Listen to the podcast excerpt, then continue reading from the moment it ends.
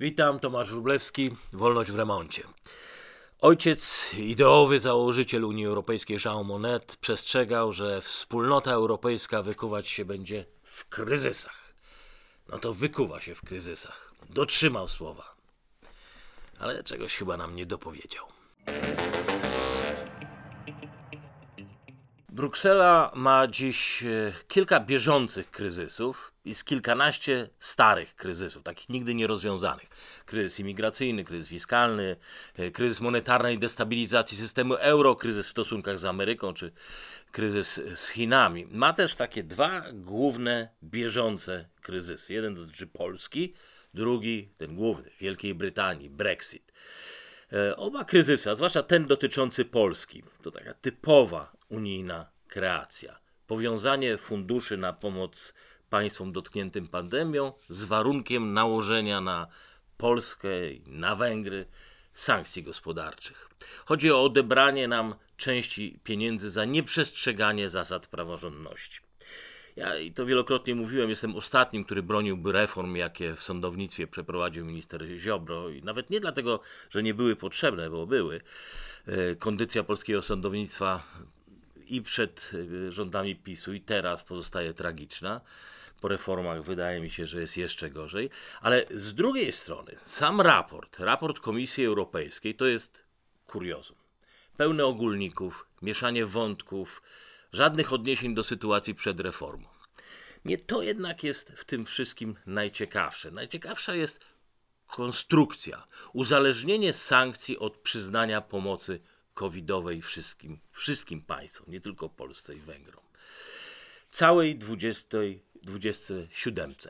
W politykę ukazał się tekst, e, wszystko mówiący, unijny, tekst pisany językiem ogólników i podpisany przez Maxa Webera z największej unijnej partii EPP i też czterech innych aktywistów pozostałych partii. Tekst pełen jest troski o losy narodów, ale też podkreśla niezłomność w obronie wartości praworządności. Jeżeli ktoś zna Unia Lingua, taki oddzielny język, to w ostatnich dwóch akapitach wyczyta, jaka jest istota całej sprawy.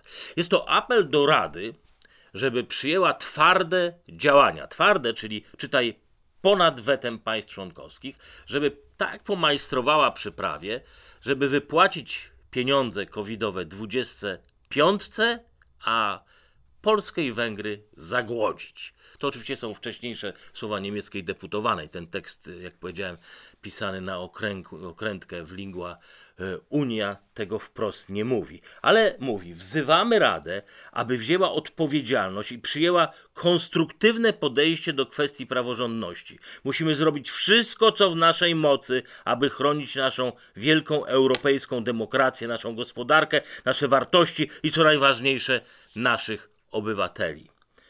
Wykuwać się będzie w kryzysie, czyli tworzymy kryzys najpierw. Uzależniamy nagłą potrzebę egzystencjalną państw dotkniętych pandemią od poparcia politycznych celów, gdzie przełamanie oporu weta w sprawie praworządności daje urzędującej komisji, mianowanym urzędnikom, narzędzie do osiągania własnych celów politycznych. Mądrze rozgrywając państwa w przyszłości, komisja będzie budowała większości, będzie sterowała procesem politycznym. Wszystko to się może stać bez jednego referendum, bez głosowania w narodowych parlamentach, bez zmiany statutu Unii. Jeszcze raz, to nie jest dokument o Polsce, o pomocy, o covidzie. To jest o milowym kroku w stronę federalizacji. Sprawa praworządności dla nas w Polsce jest bardzo emocjonalna. Trudno nam zachować dystans w tych, co się dzieje w Brukseli, nie patrzeć na to przez wewnętrzne spory polityczne. Dlatego pomyślałem, że żeby przedyskutować tę próbę wymuszenia federalizacji, lepszym punktem odniesienia do tej naszej dyskusji może być rozgrywka, jaką Komisja Europejska prowadzi przeciwko czy z Wielką Brytanią. Ostatnie sznyty na Brexicie. Otóż tydzień temu niższa izba brytyjskiego parlamentu, House of Commons, uchwaliła ustawę o rynku wewnętrznym. Ustawa nie mniej ni więcej, tylko zapewnia brytyjskiemu narodowi suwerenność. zapewnia suwerenność nad własnym terytorium. Coś, co w zasadzie od traktatu westfalskiego, od no, blisko 400 lat, wydaje się być europejskim standardem, taką zachodnią tautologią. 220 lat od ratyfikacji ostatniego traktatu Zjednoczonego Królestwa między Szkocją, Walią, Irlandią Północną, znowu Brytyjczycy muszą uchwalać, że są jednym państwem. Dziwactwo. Rzecz bynajmniej nie jest jednak czysto symboliczna. Ustawa to jest y, szereg zapisów, wśród nich y, prawo rządu do udzielania pomocy finansowej poszczególnym prowincjom w okresie transformacji po opuszczeniu Unii. To jest cytat. Ustawa y, nadaje ministrom uprawnienia do przyjmowania rozporządzeń, szczególnie tych, które dotyczą handlu, nawet jeśli są one sprzeczne z pierwotnymi porozumieniami o wystąpieniu z Unii Europejskiej w ramach tzw. Tak protokołu z Irlandii Północnej. 58-stronicowy tekst chyba dość jasno definiuje intencje brytyjskiego rządu, co się ma stać, kiedy ostatecznie nie uda się osiągnąć porozumienia z Brukselą. Ustawa przeszła większością, większością 84 głosów, przy zastrzeżeniu, że ministrowie każdorazowo muszą uzyskać zgodę parlamentu, jeżeli będą podejmowali kroki, które mogą się wydać sprzeczne z wcześniejszymi ustaleniami z Brukselą. Komisja Europejska przyjęła projekt z furią. Na Londyn wylała się fala pomyj i pogróżek. Europolitycy, urzędnicy i te same, co zwykle występujące w zgodnym chórze media, były oburzone, oburzone łamaniem międzynarodowego prawa. Natychmiast wróciły głosy o brytyjskim niezrównoważeniu psychicznym, o szkodzeniu własnemu narodowi i to jest chyba najciekawsze pozew do Trybunału Europejskiego. Co jakiś czas wracam i myślę, że teraz będę częściej nawet wracał do unijnych potyczek, do Brexitu, e, z kilku powodów. Raz, e, warto co jakiś czas po prostu uporządkować sobie ten proces, oczyścić z przekłamań i mitów medialnych, nie postradać do końca kontaktu z rzeczywistością. Dwa, e, myślę, że to jest dobry prognostyk tego, co nas wszystkich czeka w Europie ze strony eurokratów.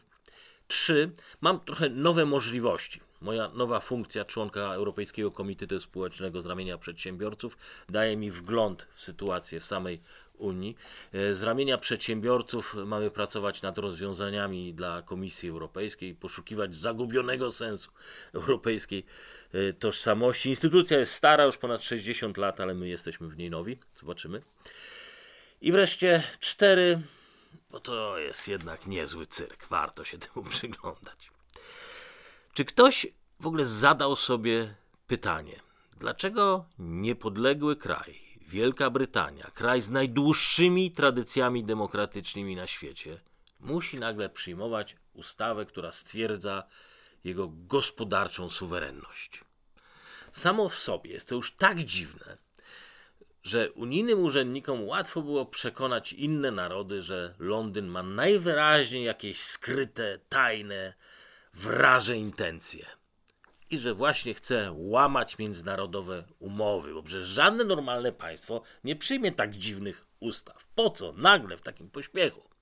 Żeby to lepiej zrozumieć, trzeba sobie uświadomić coś, czego żaden europejski rząd nie chce dziś eksponować. Dotyczy to również polskiego rządu.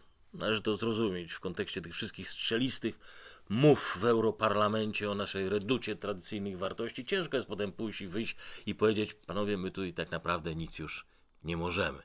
Te y, filmiki z Europarlamentu, samotni polscy posłowie mówiący prawdę do pustych krzeseł. To tak naprawdę jest chyba najlepszy komentarz do tych rejtanowskich gestów. To są słowa. Przypadku Wielkiej Brytanii mamy już rewoltę. I żeby teraz rzeczy nazwać po imieniu. Przez 45 lat Wielka Brytania nie była państwem narodowym. Była prowincjonalnym północno-zachodnim terytorium podległym związkowi państw aspirujących do federacyjnego superpaństwa europejskiego. I tak jak w przypadku każdego innego terytorium federalizującej się Europy, brukselscy urzędnicy sporządzali na niej zestaw przepisów i praw dla brytyjskich psów, brytyjskich kotów, węgla, komputerów, telefonów, dla świń, dla owiec, dla Brytyjczyków i dla każdej z ich płci oddzielnie. Następnie zestawu kilkudziesięciu terminów tej lingua unia, piękne słowa, wolność, postęp, niezależność, nowe pokolenie, dobrobyt. Z tych wspaniałych słów kompilowali jeszcze piękniej brzmiący projekt, jakiś tam miał pewnie wieloczłonowy tytuł, szczytne brzmienie, tak szczytne, że żaden Europejczyk, któremu miłe są unijne diety, perspektywa euroetatu nie ważył się już potem tych zapisów kwestionować ani tknąć, jak wierzący relikwii. Nawet jeżeli te przepisy czasem wydają się durne, nieżyciowe, oderwane od realiów, od tego naszego lokalnego pastwiska, to zawsze mogą się bronić tym, że ukryta jest w nich jakaś głębsza idea, wielka wizja przyszłego federalnego tworu. Tyle, że lud europejski w swojej masie pewnie tego jeszcze nie rozumie. Taki przykład. Kiedy na 27 państw Unii Europejskiej 23 nie respektują, jak się okazuje, unijnych przepisów dotyczących dobrostanu zwierząt hodowlanych, to co robią wtedy urzędnicy unijni? Grożą, że wezmą ich wszystkich i postawią przed trybunałem. Nikomu nawet nie przyjdzie do głowy, żeby jeszcze raz się pochylić nad tymi przepisami, pogadać z rodylnikami, dlaczego wyjeżdżają tymi traktorami na drogę. Może coś robimy jednak źle, ale gdzie tam? Ja z utęsknieniem czekam na dzień, kiedy okaże się, że wszystkie rządy minęły się z oczekiwaniami urzędników, z ich wyobrażeniami o prawie, o rolnictwie, o klimacie i wszyscy zostaniemy postawieni na ławie oskarżonych. Napoleon Bonaparte byłby naprawdę dumny. Ponoć, kiedy e, odwiedzano go e, na wyspie już świętej Heleny, mówił, że nigdy nie został zrozumiany przez żyjących, którzy nigdy nie przeniknęli jego wielkiego planu. Jak mówił, chciałem stworzyć system europejski, europejski kodeks praw, europejskie sądownictwo. W Europie byłby tylko jeden naród. I odpowiadałby tylko przed jednym wodzem i jedną komisją. Wszystkie rządy wezwane przed oblicze urzędnika. Brytyjczycy doszli do wniosku, że tak jak słabo identyfikowali się z tym wcześniejszym napoleońskim paneuropejskim projektem, tak i ten był dla nich jednak trudny do przyjęcia. Ani Napoleon, ani Komisja Europejska nie przyjęły tego dobrze. Dziś e, rządy przeganiają się w pomysłach, jak bardziej jeszcze ukarać, dobić tych Brytyjczyków. Całkiem mamy świeży pomysł, to jest pomysł Szwecji i Holandii, żeby zakazać europejskim spółkom jednoczesnych notowań na unijnych i brytyjskiej giełdzie. Koncept jest oczywiście obudowany taką sporą ilością przymiotników o godności, niezależności, o bronieniu europejskich wartości, choć rzecz oczywiście ma dość prozaiczne podłoże. Chodzi o ściągnięcie do Europy więcej pieniędzy z brytyjskiego rynku, wysuszenie, wydrenowanie tamtego rynku. Wiadomo, kryzys, każdy funt się przyda. Pytanie, czy aby na pewno w ostatecznym rachunku, kiedy załamie się rynek brytyjski, brytyjski, wszyscy na tym zyskamy, czy raczej wszyscy w efekcie stracimy. Wracam dalej do kuriozalnej ustawy nadającej wybranemu demokratycznie rządowi Wielkiej Brytanii prawo do rządzenia w kraju, którym rządzi.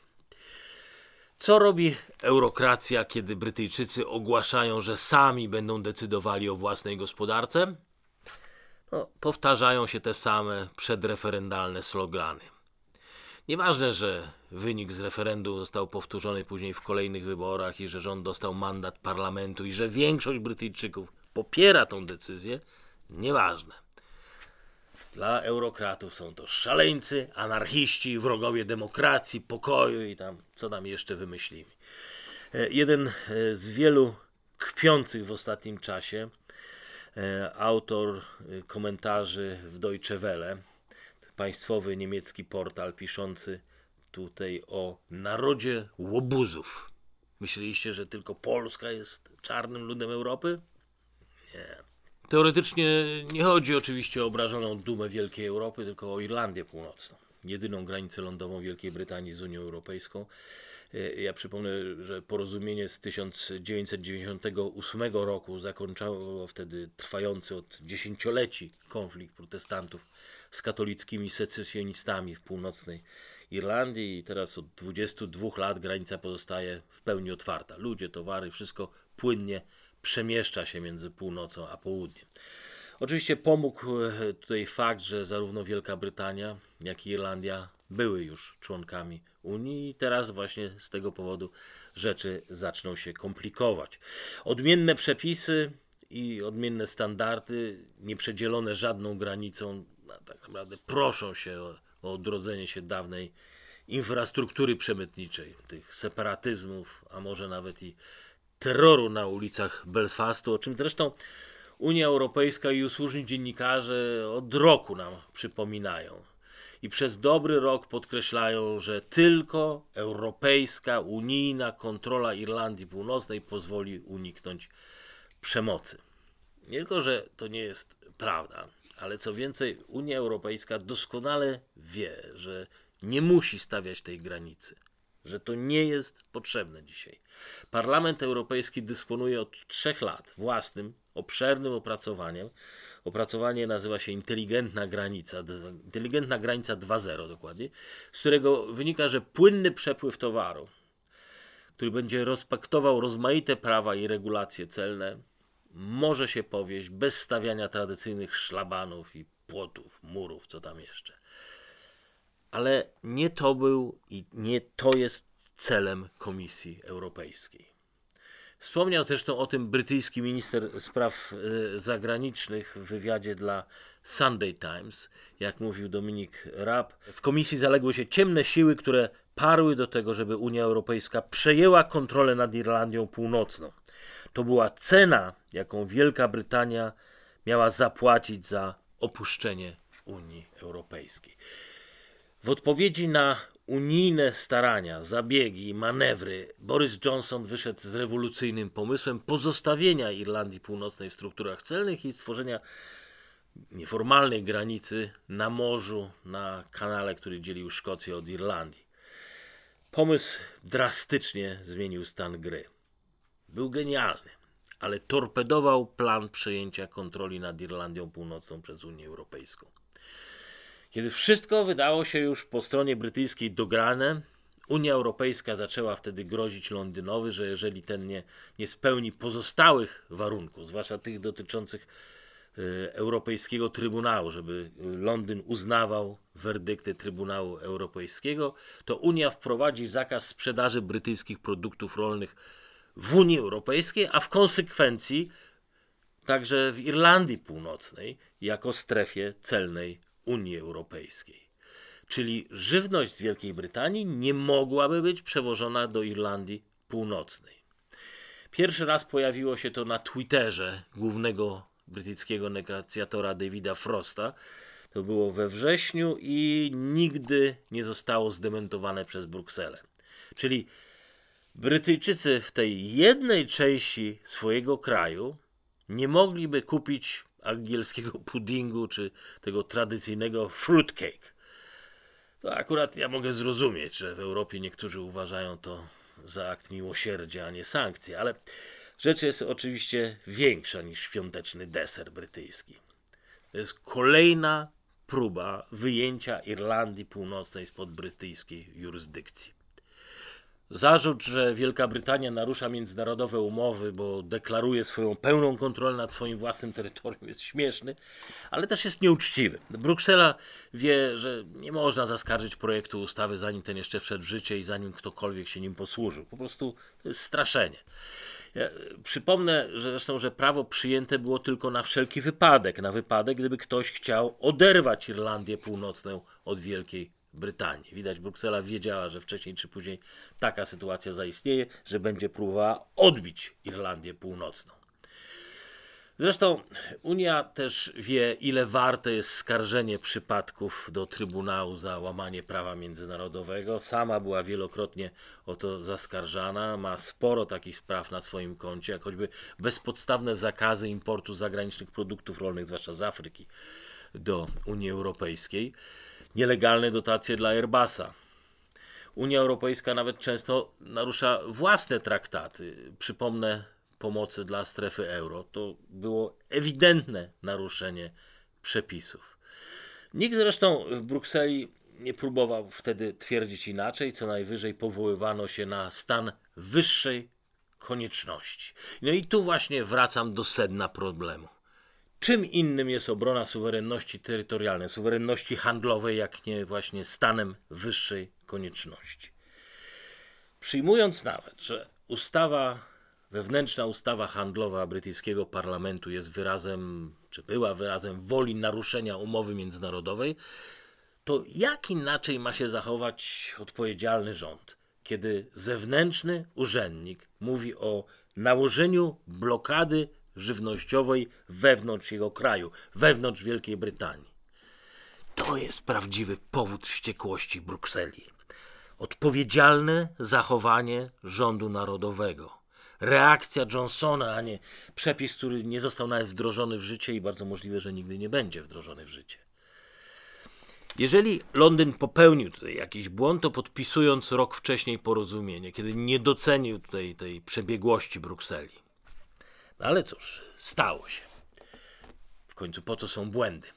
Pytanie tylko, czy my mamy jeszcze zdolność do samodzielnego uczenia się na błędach innych. Zapraszam na kolejny odcinek Wolności w Remoncie na kanale Warsaw Enterprise Institute, a w wersji audio w Spotify i na podcastach iTunes.